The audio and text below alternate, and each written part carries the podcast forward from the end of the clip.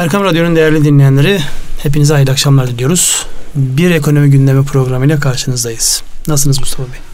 Sağ olun Ünsal Bey. Sizler nasılsınız? Teşekkür ediyorum. Üç ayların ilk programı. Evet. Hayırlı mübarek olsun. Amin diyelim inşallah. Dün gece kandil vardı. Dolayısıyla bundan sonra kandillerin, ibadetlerin ve güzel duyguların bolca yaşanacağı bir fırsat var. İnşallah bu fırsattan yararlamayı Rabbim nasip eder hepimize. İnşallah. Bir şey daha var. Onu da siz yapın. Dünya Kadınlar, Çalışan Emekçi Kadınlar. Ee, Dünya Emekçi Kadınlar Günü tüm dünyada kutlanıyor. Artık bu tür kutlamalar, benzer kutlamalar tüm dünyada her ülkeyi etkileyen bir e, seviyeye geldi ve bundan da kimse kaçınabilecek durumda değil. Bu da bir gerçeklik olarak ortada. Tabi e, burada emekçi kadınlar diye bakıldığında bir istatistik var. E, kadın ve erkek arasında aynı işi yapanlar açısından fark nedir diye. E, biz ortalarda bir ülkeyiz yüzde yirmi seviyesinde. Amerika yüzde on sekiz. En büyük fark da Japonya'da yüzde yirmi yedi. Kuzey ülkelerinde biraz daha fark az. Çok hoşsun yani. Dünya Kadınlar Günü dedim istatistikler yağmaya başladı. Ee, ama e, emekçi kadınlar günü dendiği için o açıdan bakıyorum. Hı. Aksi halde kadınlarımız, annelerimiz, kızlarımız, eşimiz, başımızın tacı bir güne sığacak bir şey değil. Biz onun için o taraftan bakalım istedim. Pozitiften yaklaşalım. Evet. Evet. Şimdi ekonomi gündem olarak baktığımızda önümüzde enflasyon, Merkez Bankası kararı, Avrupa Merkez Bankası kararı, başka merkez bankalarının kararları var. Çin, e, Amerika ticari savaşlarının bir 27 Mart diye bir tarih deklar edildi. Onu biraz konuşacağız. Onun haricinde şu an piyasada mevduat kredi ve diğer gelişmeleri başlıklar olarak ele alacağız. Süremiz ne kadar yeterse o süreci e, içerisinde elimizden geldiğince konulara değineceğiz. Önce enflasyondan bir girelim. Evet. Herkesin beklediği ve birçok unsurunda belirleyicisi olan enflasyon.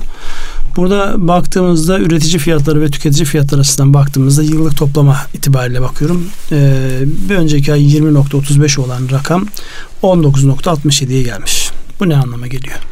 Bu enflasyon düşme seyrine girdiğini ifade edebiliriz. Dengeleme ve düzeltme. Dengeleme dönemi evet aşağı doğru gelecek. Zaten e, bu kur etkisiyle artan fiyatların e, yeni bir fiyat artışına neden olmadı. İşte burada belirleyici olan gıda fiyatları ve enerji fiyatları. Onlar da e, yaza girdiğimiz için artık tarlalardan e, zepse ve meyvelerimiz gelecek. O e, bir avantaj oluşturuyor. Petrol e, ise e, bu yıl çalkalantılı bir seviye bekleniyor ama aşırı yükselme beklenmiyor. E, dolayısıyla aşağı doğru inecek inşallah. İnşallah. Bir de şu Konya şivesi olmasa. ben artık bundan sonra doğrudan patates, patlıcan her neyse onları, onları söyleyeceğim. Ya. Tamam. E, üfe tarafına baktığımızda yani üretici fiyatlarına baktığımızda orada da enteresan bir e, görüntü var. 32.93'ten 29.59'a gelmiş durumda. Dolayısıyla daha önceden hep e, gündeme getirdiğimiz yani sadece bizim değil herkesin gündeme getirdiği bir konu vardı. O da üretici fiyatlarıyla tüketici fiyatları arasındaki bu farkın bir şekilde tüketiciye yansıtılacağı noktasında. Hatırlarsanız geçen sene e, bu fark yani e, 46, 26, 20 puan gibi bir çok yüksek. Farkın olduğu dönemden şu an yaklaşık 10 puana kadar e, gerilemiş durumda. Dolayısıyla insanlar karlılıklarından mı vazgeçiyorlar? Bir şekilde yani e, üretici fiyatlarındaki o enflasyon, birikmiş enflasyon tüketici fiyatlarına yansımadığına göre insanlar artık bunu bir e, millet olarak kabul edip aşağıdan bir yerden başlatıyorlar olsa evet. gerek. Burada tabii enflasyon neyi belirliyor? Enflasyon piyasadaki ister ticarette kullanılan vade farkları, ister bankaların kullanmış olduğu finansman yükü olsun ya da devletin borçlanma yükü olsun. Birçok şeyi belirliyor. Her şeyden önemlisi yatırım yapılabilmeyi ya da yapılmamayı belirliyor. Enflasyon yüksek olduğu zaman finansman pahalı hale geliyor. İnsanlar yatırım yapmıyor.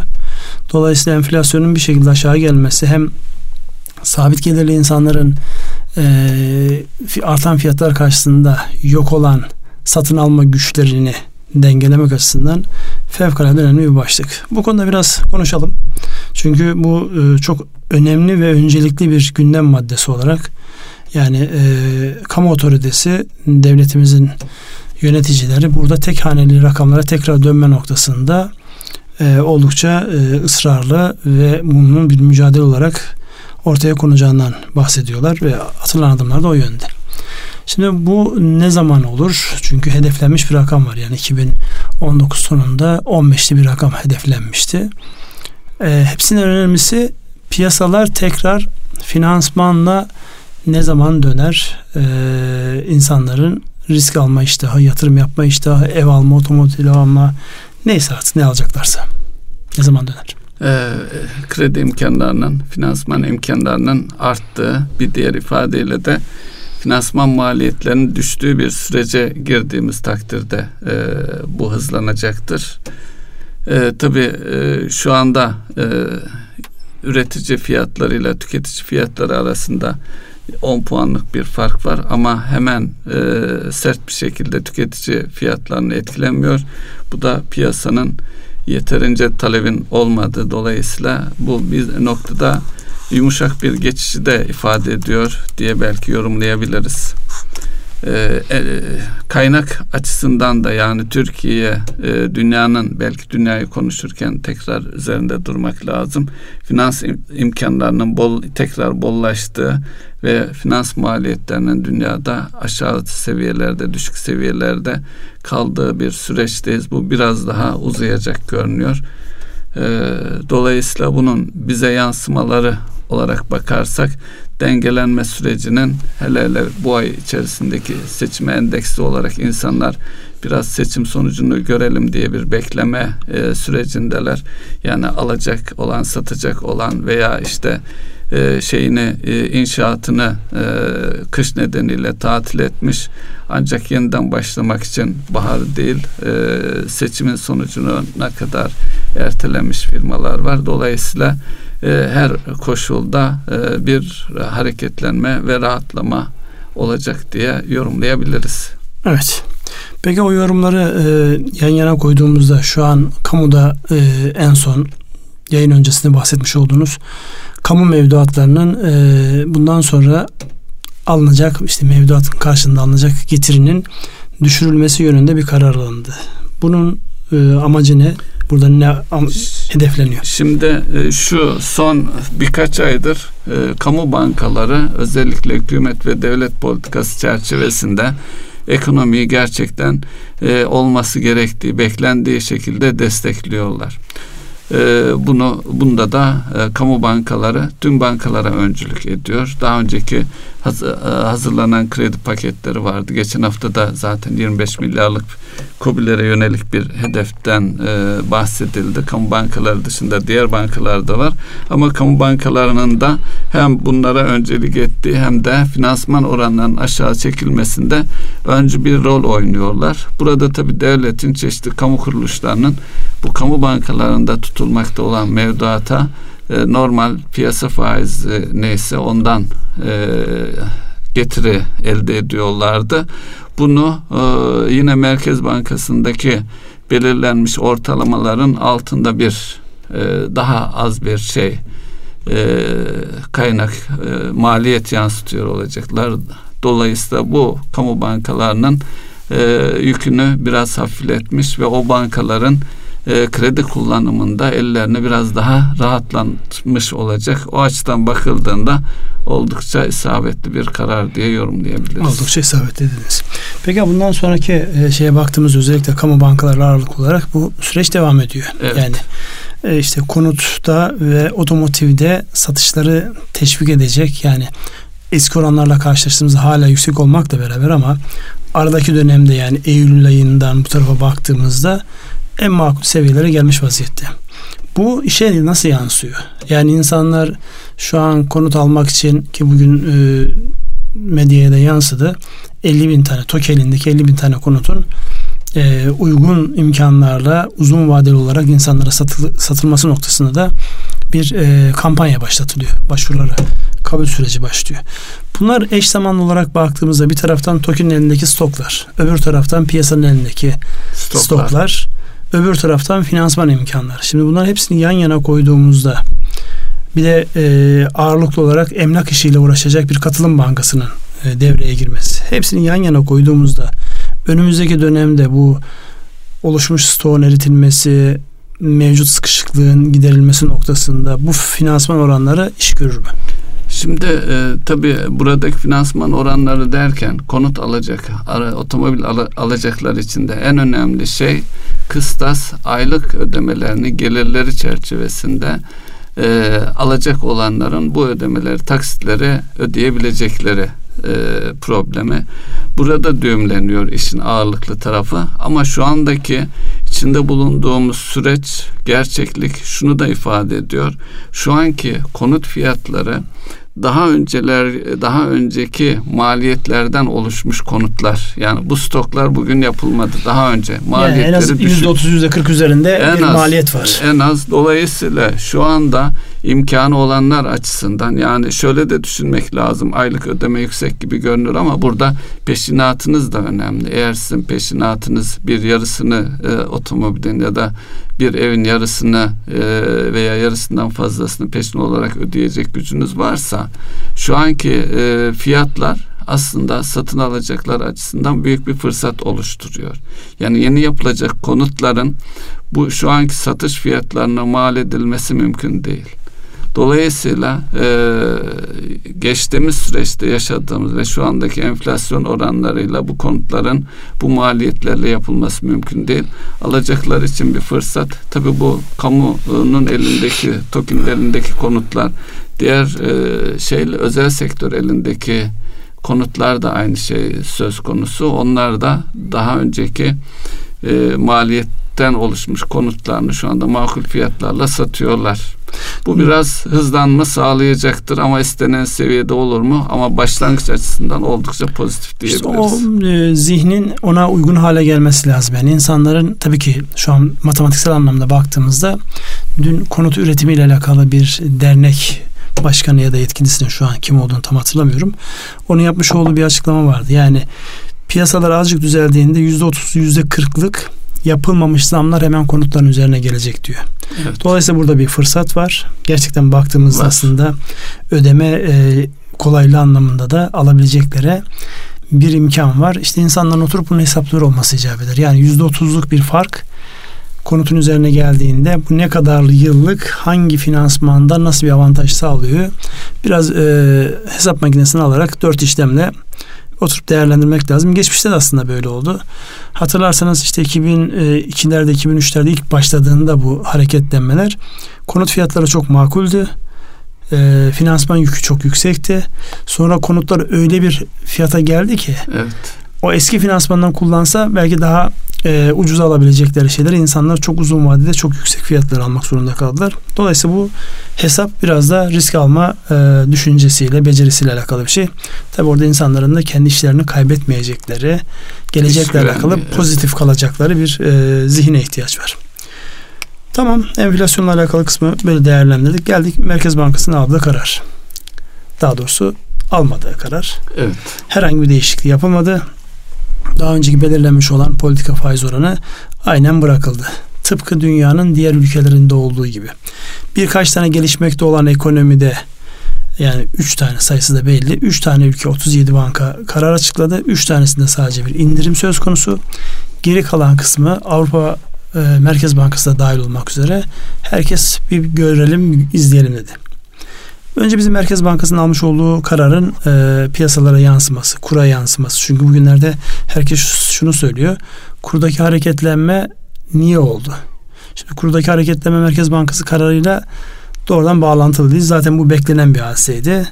Aşağı geliyor olsaydı, indirilmiş olsaydı kurdaki hareketlenme açıklanabilirdi belki. Çünkü birileri için e, şey daha cazip yani döviz almak daha cazip olabilir. Ama şu an zaten döviz tevdiat hesaplarının miktarında da bir artış var. Onu açıklamanızı evet. rica edeceğim sizden. Diğer mevzu asıl buradaki kurlardaki artış nereden kaynaklanıyor sorusu.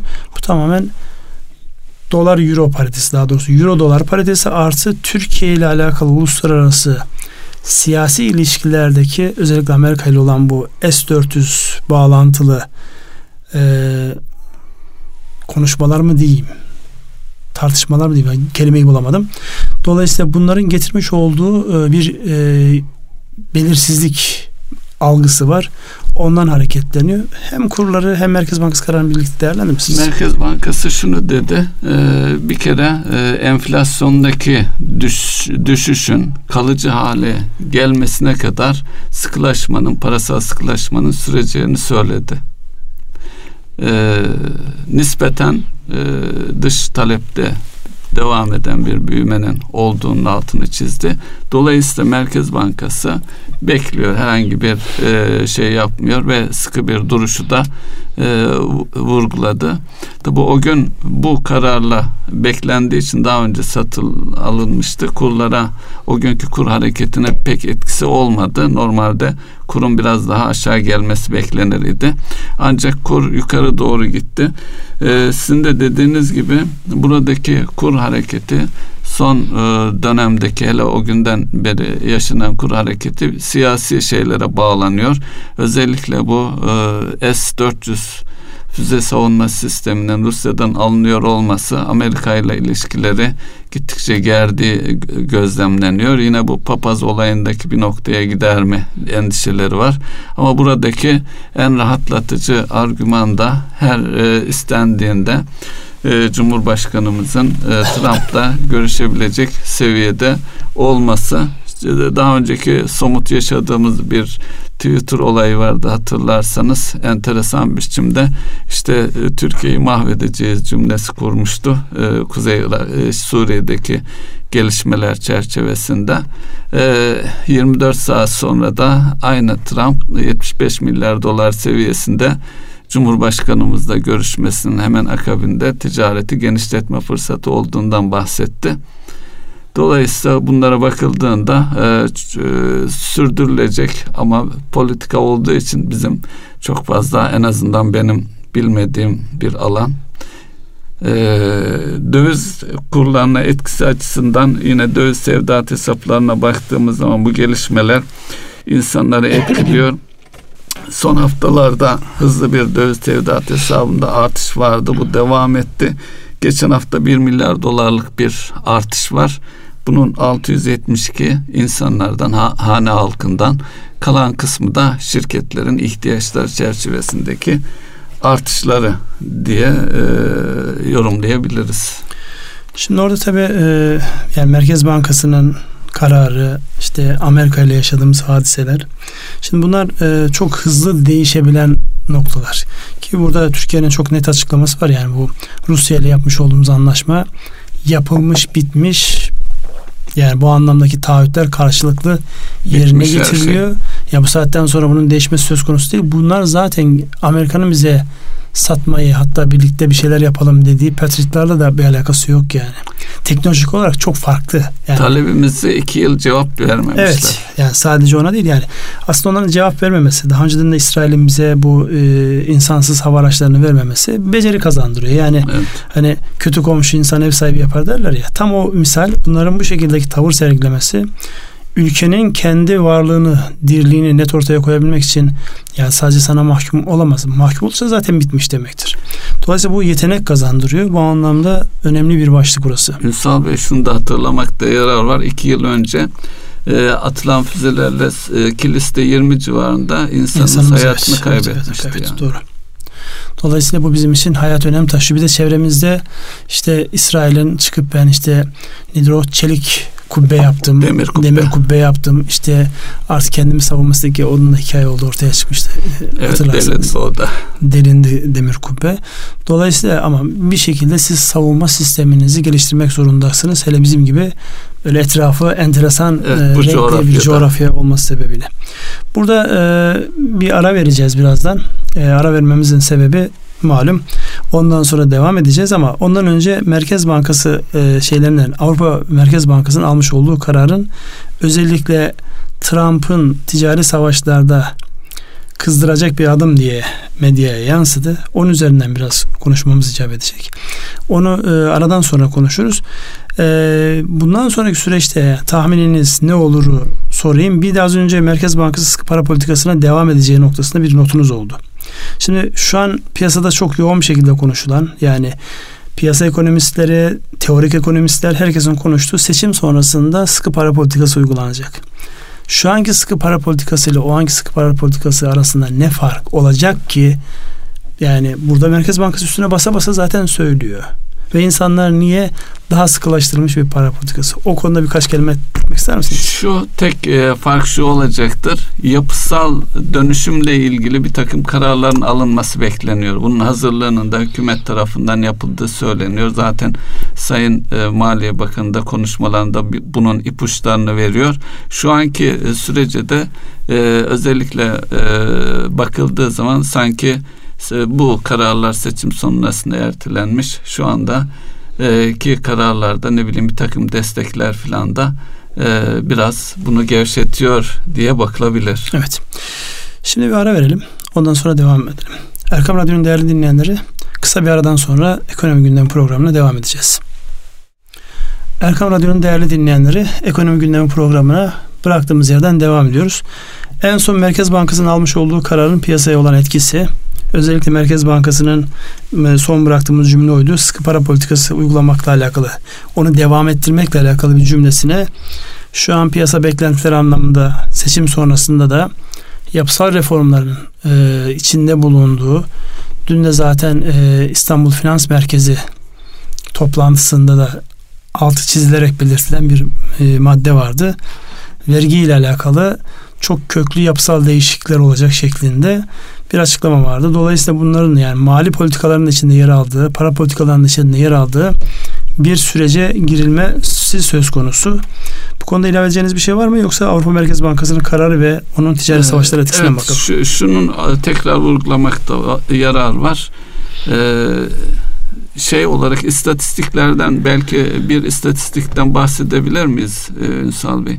Bitkisel ürün fiyatları açıklandı 2018 ile ilgili. Burada bakıldığında e, yıl sonunu e, yaşadığımız enflasyon oran enflasyon oranıyla kıyasladığımızda sadece birkaç üründe e, şeyin e, fiyatların enflasyonun üzerinde olduğunu görüyoruz.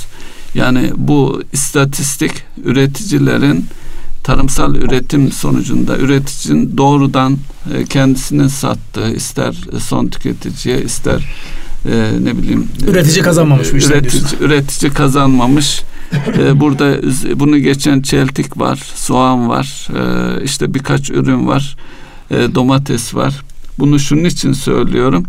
Ee, şu anda yani seçimden sonra ne olacak derken tarımsal alanda da özellikle hal yasası ve tarımın desteklenmesi ve yeniden yapılanması noktasında da alınacak kararlar var. Enflasyonla e, doğal olarak da vatandaşın e, her an etkilediği e, yüksek fiyatlarla canın yandığı bir alan olduğu için belki bu altı çizilebilir. Yani. Şu bir gerçek şimdi yeni e, yönetim sistemiyle beraber ve arkasından Ağustos'ta yaşamış olduğumuz o atakları birlikte değerlendirdiğimizde uzun yıllar yani çeşitli gerekçelerle yapılamamış ne kadar şey varsa hepsinin ne kadar elzem olduğu gün gibi ortaya çıktı. Şu an e, karar alma noktasında yani bir engel yok. Meclisten tabii geçirilecek kararlar var. Oradaki dengeler de önemli. Önümüzdeki dönem yoğun bir şekilde bu yapısal reformların yapılacağı hep konuşuluyor yani yıllardır yapısal reform yapısal reform konuşuluyor. Bir türlü ortaya gelemiyorduk. Artık biraz e, zaruretten biraz artık bunu ötelemenin ödeteceği bedellerden hareketle bu e, tarım politikalarında, istihdam politikalarında, para politikaları yani akla gelecek bütün uygulamalar uzun vadeli ve kısa vadeli bütün o hedeflerin realize olabilmesi için yapılması gereken bütün adımların atılması gerekiyor. Hatta geçen gün şey vardı yani tarım arazilerine konut yapmakla alakalı olarak. Yani e, bunlar hepsi tabi zaman içerisinde e, atladığımız, unuttuğumuz şeyler. E, bundan sonraki süreçte e, bunları tabii ki arızi bir şey olarak değil, kalıcı yapısal bir hadiseye gelir. Çünkü gelecekte şu gibi gerçek ne kadar kendi e, imkanlarınızla belli ihtiyaçlarınızı karşılayabiliyorsanız o kadar direnme dayanma gücünüz var. Onun sizin psikolojinize olan etkisi, toplumun psikolojisine olan etkisi var. Aksi takdirde işte e, sıkıştığımız dönemlerde soğanı işte Suriye'den getirdiğimizde, işte patatesi bilmem nereden getirdiğimizde bu sürdürülebilir bir şey değil. Sonra denge de bozulur işte etlerle alakalı gelen. Evet. Fazla getirdiğiniz zaman bu sefer içerideki bütün şeyi dengeyi bozuyorsunuz. Onun için yani bunların daha planlandığı, daha bir hayata geçirdiği bir dönem inşallah önümüzdeki dönemde mevzuatıyla beraber hazır hale gelir. Diğer başlığımıza geçelim mi? Evet. E, Avrupa Merkez Bankası'nın almış olduğu karar e, Trump'ı kızdıracak diye bir e, şey vardı. Başlık vardı. Evet. Tabii bu işin magazinsel tarafı yani Trump her şeye kızıyor biliyorsunuz. Hatta bazen bazı kızgınlıklarından dolayı ya da dil sürçmesinden dolayı olan şeyler piyasada insanların uyanıkların hemen işini görüyor. bir şey var bu e, Apple'ın e, CEO'sunun ismini e, Tim Cook adamın ismi. Tim Apple diye söylüyor. Adam uyanık hemen tutuyor Twitter hesabını Tim Apple diye değiştiriyor. Onunla evet, yani, yani marka haline geldi. Dolayısıyla adamın bazı konularda bile bir fırsat olabiliyor e, yani. Yani bazılarının canını yakarken bazıları için de yeni bir reklam unsuru olarak yani onu evet. söylememiş olsaydı biz bunu konuşmayacaktık. Dolayısıyla yani Trump yine kızar mı? Kızsa ne olur? E, sorusunun cevabı şu bir gerçek. Yani dünyadaki şu an üç güç olarak değerlendirdiğimizde yaklaşık 20'şer trilyon dolarlık büyüklükler olarak baktığımızda Amerika, Avrupa ve Çin. Şimdi üçü arasında çok ciddi bir şey var. Hani e, kurtların dansı gibi bir şey hegemonik, savaş. hegemonik savaş var orada. Bir taraftan işte e, ben ne yaptım diye inim inim inleyen İngiltere. Yani her gün bir haber düşüyor çünkü. Dün e, Alman e, firması BMW yine Toyota İngiliz hükümetine ne yapacaksanız karar verin ona göre yatırımlarımızı devam ettireceğiz. Yoksa başka yere mi taşıyacağız onun e, şeyini yapmak istiyoruz diye. Her gün bir ultimaton yiyorlar. Daha önceden biliyorsunuz e, başka bir otomobil firması yatırım evet. bırakacağını söyledi. Başka yine bir Japon firması üreteceği bir modeli sadece orada üreteceği bir modeli orada üretmeme kararı Japonya'da üretme kararı aldı. Dolayısıyla otomotiv İngiliz ekonomisinin önemli bir değer. Oradan Avrupa'ya giriş açısından da önemli bir değer. Çünkü geçmişten gelen bir üretme kabiliyeti var. Yani sanayi zaten İngiltere'de başladı. Evet. Oradan baktığımızda yani bu kararsızlık İngiltere'ye ağır bedel ödetiyor. Bizim gibi dış ticaret fazlası vermiş bir ülke de İngiltere'nin bu kararsızlığından etkileniyor.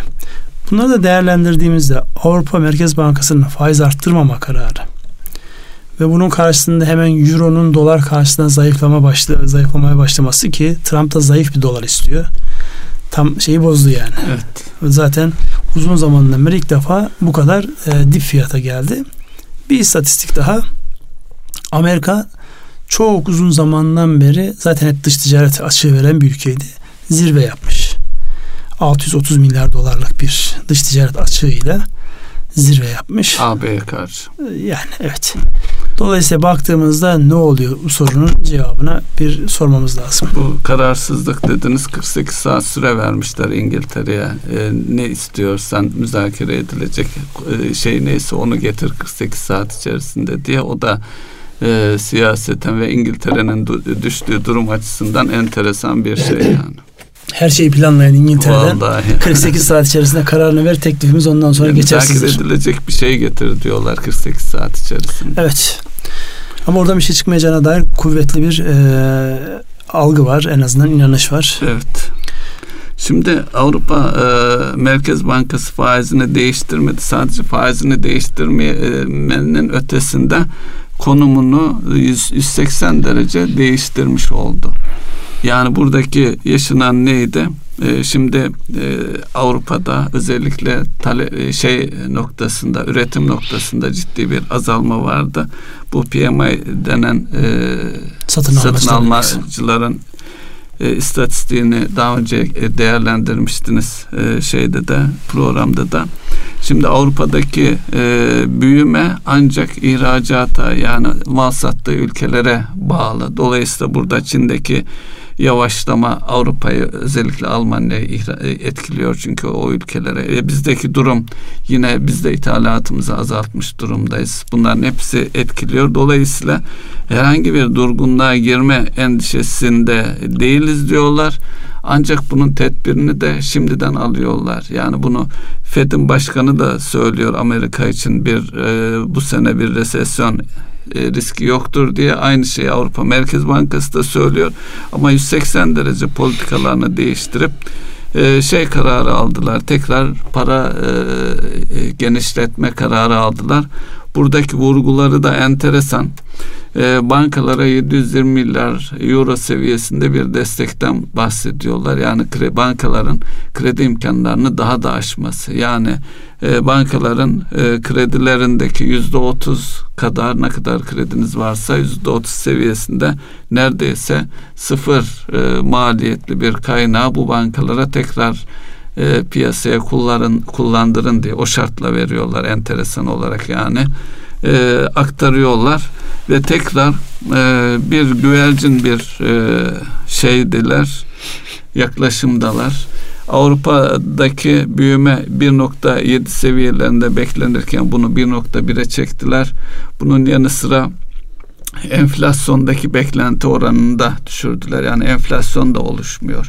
Dolayısıyla böyle bir konumda parasal genişlemenin bir zararının olmayacağı belki buradan hareketle daha önce Amerika'da Fed'in yaptığı parasal genişlemeyle yaptığı et, pozitif etkiyi bugüne e, o sayede geldiler. Benzer şeyi Avrupa Merkez Bankası da onları takliden yapmıştı. Ama e, tekrar bilanço küçültme ve faiz oranlarını artırma e, sürecine girdiklerini söylüyor iken sürpriz bir biçimde böyle bir karar aldılar. Tabi bu kararın e, etkisi e, dediğiniz gibi Trump'ı kızdıran bir etki çünkü bu e, Amerikan dolarını değerli hale getiren, euroyu değersiz hale getiren bir e, etki. Şu da bekleniyor. E, Çin'le ilgili bir e, karar Amerika-Çin anlaşmak üzere. Dolayısıyla onlar anlaştıktan anlaştıkları anda e, AB özellikle Almanya sıra bize gelecek. Trump bize dönüp bizimle bir savaş başlatacak. Zaten onu zaman zaman söylüyor. Özellikle yani başta Almanya'nın üstün olduğu e, mekanik teknolojisi diyebileceğimiz işte makine, otomotiv ve benzeri konularda evet. o konularda zaten Trump e, ara ara şey yapıyor yani kendinize çeki düzen verin. Bu ticaretten her zaman siz karlı çıkamazsınız. Bu işten bizim de karlı çıkmamız lazım. Ama dediğim gibi yani burada Trump konuşmuş ama e, dış ticaret açığı verme noktasında da tarihi bir rekor kırdığı bir dönem olmuş. Yani biraz tuhaf duruyor. Burada tabii e, özellikle Avrupa'nın duruşu itibariyle baktığımızda yani sessiz sedasız tekrar o gücü toplama, gücü devşirme. İngiltere'nin birlikten çıkmasına rağmen hala biz bundan etkilenmeyiz gibi ifadelerin kullanılması. Bunlar önemli başlıklar. Yani Avrupa bu anlamda baktığımızda sanki Çin'den de Amerika'dan da daha net duruyor gibi bir görüşü var. Tabi oradaki duruş Alman ve e, onun yanında duran Fransızların duruşu gibi duruyor. Biraz Alman disipliniyle beraber. Yani oradaki o Almanların şey vermeyen, renk vermeyen duruşu burada kendini gösteriyor. Kaybettikleri şey İngiltere yani kayıp olarak görmüyorlar. Tam tersine finans merkezinin İngiltere'den, Londra'dan Frankfurt'a gelmesi noktasında herhalde faktör El ovuşturuyorlar evet, herhalde. Avuçların içerisi böyle bayağı bir ısınmıştır ovuşturmaktan. Dolayısıyla bunu e, bu şekilde değerlendirmek yani güç dengesi hızla dönüyor. Bunun içindeki sosyal bilimlerde yani iki tane e, şeye bakarak göstergeye bakarak bu bundandır deme şansı yok yüzlerce binlerce o an görünmeyen su üstünde çıkmamış arka tarafta çıkma ihtimali olan ya da var ama görünmeyen bir sürü gerekçeyi dikkat almak zorundasınız. Onun için e, işte kur niye arttı, işte o niye düştü, bu niye bilmem ne yaptı. Sadece bir gerekçeyle değil. Az önce verdiğiniz örnek gayet güzel. İşte Türkiye'yi cezalandıracağım deyip ertesi gün işte en, en önemli partilerimiz Türkiye diye açıklamasına kadar gidiyor bu hadise. Bir başka e, başlık yine aynı çerçevede Çin ile Amerika'nın anlaşmasının 27 Mart'a bırakılmasının piyasalara vermiş olduğu gerginlik var. Şurada sadece istatistik olarak şunu vereyim. Son dönemde bütün merkez bankalarının altına yönelmesi arttı. Herkes altın alıyor. Bu ne anlama geliyor? Yani daha önceden biliyorsunuz insanlar merkez bankaları rezervlerini dolar üzerinden tutuyorlardı ağırlıklı olarak. İkinci e, saklama parası euro. Euro hiçbir zaman yüzde 22'ler 23'ler geçmedi ticarette. Dolayısıyla e, doların bu belirginliği altına doğru kayması Amerika açısından ne anlama geliyor? Diğer ülkeler açısından ne anlama geliyor? Şimdi e, kur savaşları kurlar üzerinde olacak. Altın e, kenarda, steril kenarda yedek oyuncu olarak e, bekleyecek. Rengi yani e, niye kur savaşları başladığında hangi kuru hangi kura göre değerlendireceksiniz? Dolayısıyla burada altın e, iyi bir araç e, bu e, son yılında, geçen yılında e, önemli bir gündemindeydi. Merkez bankaları altın alımlarını artırıyor diye. Hatta e, o noktada bizim Merkez Bankamız da dünyada üçüncü sırada yer alıyordu. Altın varlığını artıran bankalar olarak e, bir e, tic, e, ticari savaşlar neticede kur savaş zaten birbir içerisine geçmiş durumda yani ticareten bir savaşta kurlarınızı indirirseniz orada kaybettiğiniz e, piyasalar tekrar kazanır hale getirirsiniz. Tabi e, bir e, sıkıntılı bir sürece daha doğrusu yeni e, dünyada yeni koşulların oluşacağı bir sürece giriyoruz belki de. Özellikle ticaret savaşları Dünya Ticaret Örgütü'nü sorgulanır hale getirmişti zaten. Bu da Amerika'nın öncülüğünde olan e, ve belli bir noktaya gelmiş bir kuralların kurallar bütünlüğünün olduğu bir yapıdan bugün o kuralların tamamen yerle bir edildiği bir sürece bu yeni bir takım şeyler oluşturacaktır. Dengeler. Ne gibi? Ee, belki ülkeler birebir karşılıklı anlaşmalarla ayakta kalacak ama korumacılığın olduğu yerde şu herkes tarafından biliniyor ki mutlaka piyasalar daralma olacaktır. Karşılıklı ülkelerin birbirleri için oluşturduğu fırsatlarda kullanılamayacaktır. E şimdi burada tabii e, farklı dengeler var az önce söylediğimizin de devamı olarak. Şimdi Amerika ile Çin'in ticari savaşları mutabakata vardılar. Afrika ne olacak? Çin'in Çin'den başlatıp Pakistan üzerinden e, denize ulaştığı yani Körfez bölgesini komple devre dışı bıraktı. Oradan uzanıp İpek yolu üzerinden geçen hafta da biraz konuşuruz evet. hatırlarsanız e, kuşak ve yol projesini oradan gelip Türkiye üzerinden işte Pire Limanı hatta Türkiye'yi bypass ederek aşağıdan gelerek Pire Limanı'nı kullanarak dünyanın dört bir tarafına yayılma isteği yani bu e, öyle ticari savaşların bugünden yarına biteceği ya da kimsenin hızını keseceğine dair işaretler değil. Yanlışında konuştuk mesela S-400 ile ilgili. Benim yanımda mısın? Düşmanımın yanında mısın? Her ülke Afrika bunları tek tek yaşayacaktır. Yaşayacak yani onu daha önceden e, şeyde de yaşamıştık ya. Kudüs meselesinde, Kudüs'ün başkent olmasında evet. yani e, yanında olan işte birkaç tane küçük ülkeydi. Ama burada tabii şeyler değişiyor, dengeler değişiyor. Mesela geçen hafta yine konuştuk burada Hindistan-Pakistan kapışmasında aslında o kapışma Hindistan'ın Pakistan değil Amerika-Çin kapışması. Durup dururken oldu, unutulmuştu. Yani bir keşmir sorunu var yıllardır ama ama bu hazırdı. Şey olmuyor. Yani evet. Pakistan'daki o kaşınacak işte, bir yara varsa karayolları, demir yolları, limanlar bilmem hepsi Çin'in kontrolünde şu an şimdi ve Pakistan'ın en fazla borçlu olduğu ülkelerin başında Çin geliyor. En fazla yatırım orası yapıyor. Dolayısıyla bu dengelere baktığımızda yani bundan sonraki güç dengeleri ve yer değiştirme işte en son Amerika'nın işte ekonomisi desteklenmesi gereken ülkeler hanesinde hani bizi, bizi geliştiniz evet. geliştiniz sizi oradan çıkardık diyorlar espri miydi onu tam anlayamadım. Bizimkiler açıklamış. Bize yeteri kadar gelişmedik yani geliştik artık o program Orada bize çok fazla. da tabii gere, asıl gerekçe o değil yani. Gerekçe o değil tabii ama sadece biz değil Hindistan'da çıkıyor. Sonra bakıyorsun arkasında ne var? S-400'ü Türkiye ve Hindistan almış. Siz misiniz bunu alan? Bakıyor elimde ne var bunlara karşı kullanacağım. Evet. Dolayısıyla yani insanlar artık yani masanın üzerinde ne varsa hepsini masanın üzerine sermiş onunla oynuyor. Yani sonra kullanırım demiyor argümanı. Sonradan kullanacakları şeyler varsa dahi onlar masanın Onları üzerinde bilmiyoruz. bekliyor. Masanın üzerinde bekliyor. Onun için burada e, yani Amerika ile Çin'in anlaşması artık bundan sonra tamam ticari savaşlarda dengelendi. Çünkü Çin'in en önemli pazarı Amerika. Amerika'nın en fazla borç aldığı ülke Çin. Böyle karşılıklı o ona o ona. Ama her ikisi gidip Afrika'da kapışıyorlar. Her ikisi işte daha önceden Amerika'nın hinterlandı diyeceğimiz e, oyun alanı diyeceğimiz yani. alanda öbürü güç göstermeye başlıyor. Geçenlerde e, bir şey vardı ya işte Amerika ile Rusya anlaştı. E, işte Rusya Venezuela'yı Amerika'ya bıraktı. İşte onlar da Türkiye'ye bıraktı. Yani bunlar komik açıklamalar. Kimsenin kimseye bir şey bıraktığı yok. O bıraktığı söylenenler de öyle yani elsiz kolsuz falan değil yani buradan hareketle e, ilginç bir döneme giriyoruz yine. Devam edeceğimiz bir şey var mı? O da ticari savaşlarla alakalı. Yani sizin dikkat yani çekmek istediğiniz. E, devam etmesek de onlar ticari savaşa devam Onlar edecek. devam edecekler kesin. Yani biz önümüzdeki haftada burada da konuşmaya devam ederiz evet. büyük ihtimalle e, ticari savaşların ne olduğuna dair. Burada bu İstanbul Finans Merkezi yani e, mevduat veya kredilerdeki e, artış azalışları konuşmadan önce İstanbul Finans Merkezi bununla alakalı işte dün bir e, konferans ya da bir toplantı vardı. O toplantı yani İstanbul'un bir finans merkezi olmasının geçmişte birkaç programda değinmiştik. Yine bir değinelim. Sıcak gündem maddesi olduğu için. Bu bize ne sağlar? Nasıl bir şeye ihtiyacımız var? Bu kadar çetrefilli mevzuatımızın olduğu yapıda gerçekten biz finans merkezi olma noktasında neye ihtiyacımız var?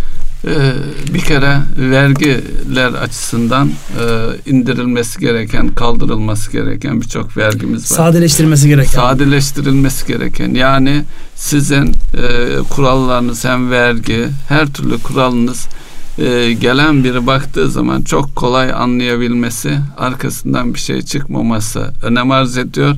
Bir de e, herhangi bir şekilde geldi burada bir işlem yaptı, bir ihtilaf yaşadığında o ihtilafın adil bir şekilde çözüne, çözüleceğine ilişkin bir güvene sahip olması gerekiyor. Bu iki şey e, olmazsa olmaz diye düşünüyorum. Bir üçüncüsü var mıdır Ünsal Bey?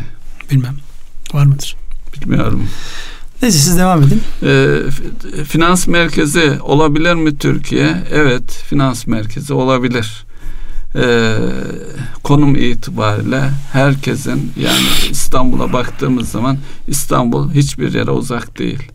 Dolayısıyla bu büyük bir avantaj ve İstanbul artık büyük bir metropol. Herkese her konuda e, destek ihtiyacını karşılayabilecek kültür, sanat, modernlik bunların içerisinde e, her e, çok kültürlü yapılarında rahatlıkla rahat edeceği. Çünkü zaten Osmanlı'dan devraldığımız herkesin kendisini dini, ırkı ne olursa olsun ifade etti. Bir kültüründe e, kültüre de sahibiz. Tamam. E, dolayısıyla kültür var diyorsun. E, kültür e, Jeokül şey coğrafi konum gayet evet. iyi diyorsun. Ve şu da var. Ekonomik e, büyüklükler. Üçün, üçüncü olarak ekonomik büyüklükten e, önce e, biz e, meslek şeyimizi de vurgulayalım değil mi? Biz eski bankacıyız. Dolayısıyla Türkiye'nin de artık dünya çapında çok iyi bankacıları var. Yani Türkiye'deki bankacılar e, beğenilen seviyede büyük bankaları yönetecek konuma geldiler. Ya teknoloji, şey. teknoloji ve teknoloji. insan kaynağı anlamında yani açık evet, ara önde olduğumuz ülkeler var. Evet. Yani ödeme sistemleri dünyanın ödeme sistemlerine birçok şeyi biz icat edip verdik yani. Evet. Yani özellikle mesela bu taksitli kart ilk anlattığımız hatırlasanız yani taksit ne adamların zihninde zaten kredi kartı bir şekilde e, yani bir kredi süreci nesini taksitlendiriyorsunuz? Anlattığımızda sonra Hala hepsi tam anlayabilmiş değiller ama, ama başladılar kopyalamaya. Farklı bir ürün o. Evet. Dolayısıyla bu işte e, temassız kart teknolojisini ilk kullanan ülkelerden bir tanesiyiz. Bu anlamda baktığınızda ödeme sistemleri, bankacılık altyapısı, yetişmiş insan Türkiye bu anlamda geri değil. Ekonomik büyüklüklerimiz ve bunlara karşılık gelecek e, marka firmalarımız, marka işletmelerimize ihtiyaç var. Yani şu an mesela e, sabahleyin yine bir e, haberlere şöyle bir göz atarken e, Katar devletinin Türkiye'de yatırım yapmak için çok büyük arayışlar içerisinde oldu ama yani o yatırımı yapacak firma Nereye proje o konularda zihinler o kadar net değil. Yani bizdeki işletme büyüklüklerine baktığınızda çok büyük paraları kaldıracak işletmelerimiz henüz daha yok. Onları bizim bir şekilde e, ya ya konsolidasyonları yaparak ya belli alanlarda uzmanlaşarak yani bir şekilde ortaya çıkarmamız lazım. Yani finans merkezi olursunuz burada. Yani buradan gelir başka yere gider kaynak. Yani o kaynağın burada bir şekilde bir şeylere dönüşüyor olması icap eder. Yani tek başına yani oradaki binaları yapmak ya da orayı finans merkezi yaptım demekle yetmeyecek orası. Ee, belki de e, borsa tarafına bakılırsa halka açıklık oranlarının artması Oradaki ve büyük, büyük firmalarımızın da oraya gelmesi gerekiyor. Şimdi büyüyebilmek için kaynağa ihtiyacınız var. Kaynak iki türlü. Yani burada biraz hafif şey yapalım. E, ders gibi olacak ama kusura bakmasın insanlar. E, iki türlü kaynağa ihtiyacınız var. Ya öz kaynak olarak gelecek maliyetsiz kaynak ya da finansmanla gelecek. Finansmanlarıyla geldiğimiz yer şu, şu an belli. Yani tıkandığımız noktada dönemiyoruz. Dolayısıyla bizim sermaye piyasaları tarafında derinleşmeye ihtiyacımız var. Ama sermaye piyasaları eşittir birilerin oyun alanı olmamalı. Yani insanlar gerçekten uzun vadeli şirketlerin de bu anlamdaki derinliklerine güvenerek orada yatırımlar yapabilmeli. Dün zaten e, Bakan Bey'in yapmış olduğu vurgu da özellikle oraydı. Sermaye piyasalarında derinleşmeyi sağlayacak bir altyapıya geçmek zorundayız. Yoksa iki tane bina, iki tane tuğla değil ifadesini evet. bizzat kullandığı için tırnak içerisinde ben de vurguluyorum aynı şeyi. Dolayısıyla önümüzdeki dönemde o derinliği sağlayacak açılımlara ihtiyaç var. Onlar sağlandığında e, zaten marka firmalarınız da çıkar. Bu birbirini besleyen kaynak varsa marka firma çıkarıyorsunuz. Marka firmanız varsa yeni yatırımlara ulaşabiliyorsunuz. Ki bu arada e, dünyanın dört bir tarafına ya Türk firmaları gitti oralarda satın aldılar. Yönetme noktasında sadece finans sektörü değil, reel sektörde de çok başarılı firmalar ve yöneticiler var. Onları da göz önüne alarak evet. genç nüfusu da dikkate alarak buradan bir mesafe kat edileceğini çok rahatlıkla görüyorum. Ee, bu konuya şimdilik böyle şey yapalım çünkü finans merkezi mevzunu daha çok konuşacağız. Binalar yapılıyor ama daha onların hayata geçmesi. Sanki binalar henüz yapılma aşamasında e, olduğu için öyle bir beklenti oluşuyor. Bakan da zaten onun altını çizdi. Sorun binalarda değil. Evet. Yapısal özellikle vergisel e, düzenlemeleri özellikle vurguladı. İnşallah olur yani. Evet yani önce sermaye piyasalarına güvenin de tabii burada test edilmesi icap ediyor. Dün e, Fitch'in yayınlamış olduğu bir şeyde Türkiye'deki perakende sektörünün kırılganlığına dikkat çekmişti. Hatırlıyor musunuz böyle bir şey? Ve ben katılıyor musunuz? galiba. Şimdi bu e, şeyle alakalı baktığımızda Fitch nereden icap ettiyse Türkiye'deki perakende sektörünün önce şunu demiş. Geleneksel perakendeden organize perakendeye dönüş var. Yani şunun anlamı şu. Çarşı pazarların yerine artık böyle zincir mağazaların, daha organize olmuş yapıların e, daha güçlü olduğu. Bu sadece gıda perakendesi için değil. Her türlü perakende. Tekstilinden beyaz eşyasına aklınıza gelebilecek her türlü perakenden yani.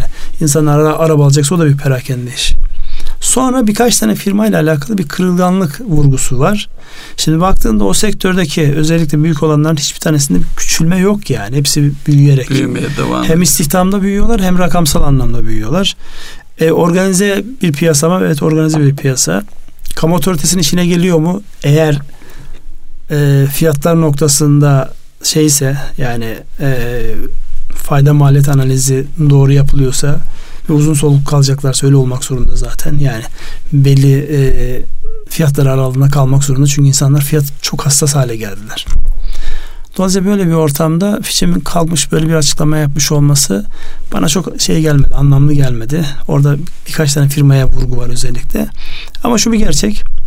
Yani insanların gelirleri azaldığında ya da piyasada bir e, şey e, hava bozulduğunda ki şeye dayandırmışlar.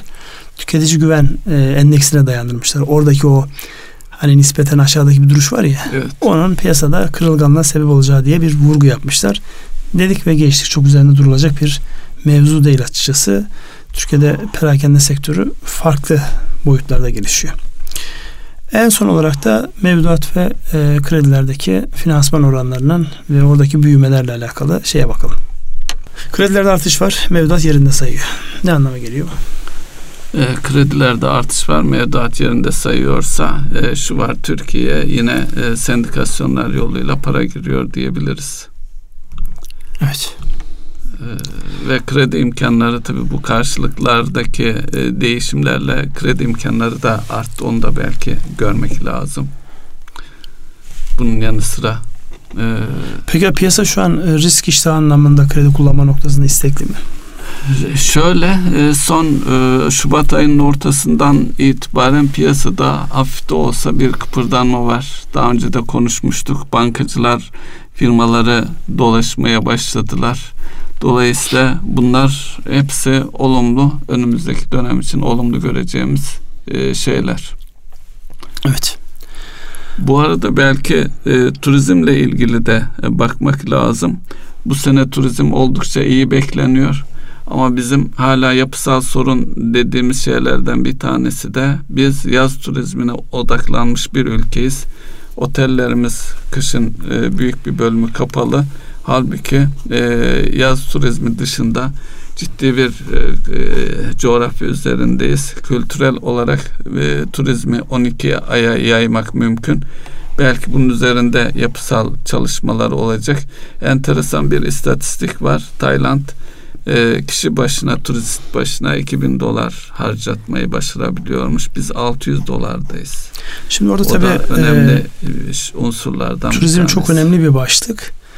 Ama turizm aynı zamanda yani manipülasyona çok açık bir başlık. Yani bugün e, yine e, vardı bugün dünkü gazetelerde e, İçişleri Bakanlığı yapmış olduğu bizim İçişleri Bakanlığı yapmış olduğu bir açıklamayı bir şekilde manşete çekerek Almanların ve İngilizlerin Türkiye'ye gelmesinde aman dikkat edin işte gözaltına alınabilirsiniz falan gibi böyle köpürtülerek ortaya çıkarılmış şeyler. Bizim buraları da çok iyi yönetiyor olmamız lazım. Yani burada sadece ülkenin işte turistik, tarihi yerlerin tanıtımı değil, oraları tanıtan yerlerdeki o lobi faaliyetlerini de hiçbir şekilde azaltmadan devam ediyor olmamız icap eder. Çünkü algıyı bir şekilde birileri bozduğu zaman sizin aylarca yıllarca emek sarf ettiğiniz şey birden anlamsız hale gelebiliyor. Evet.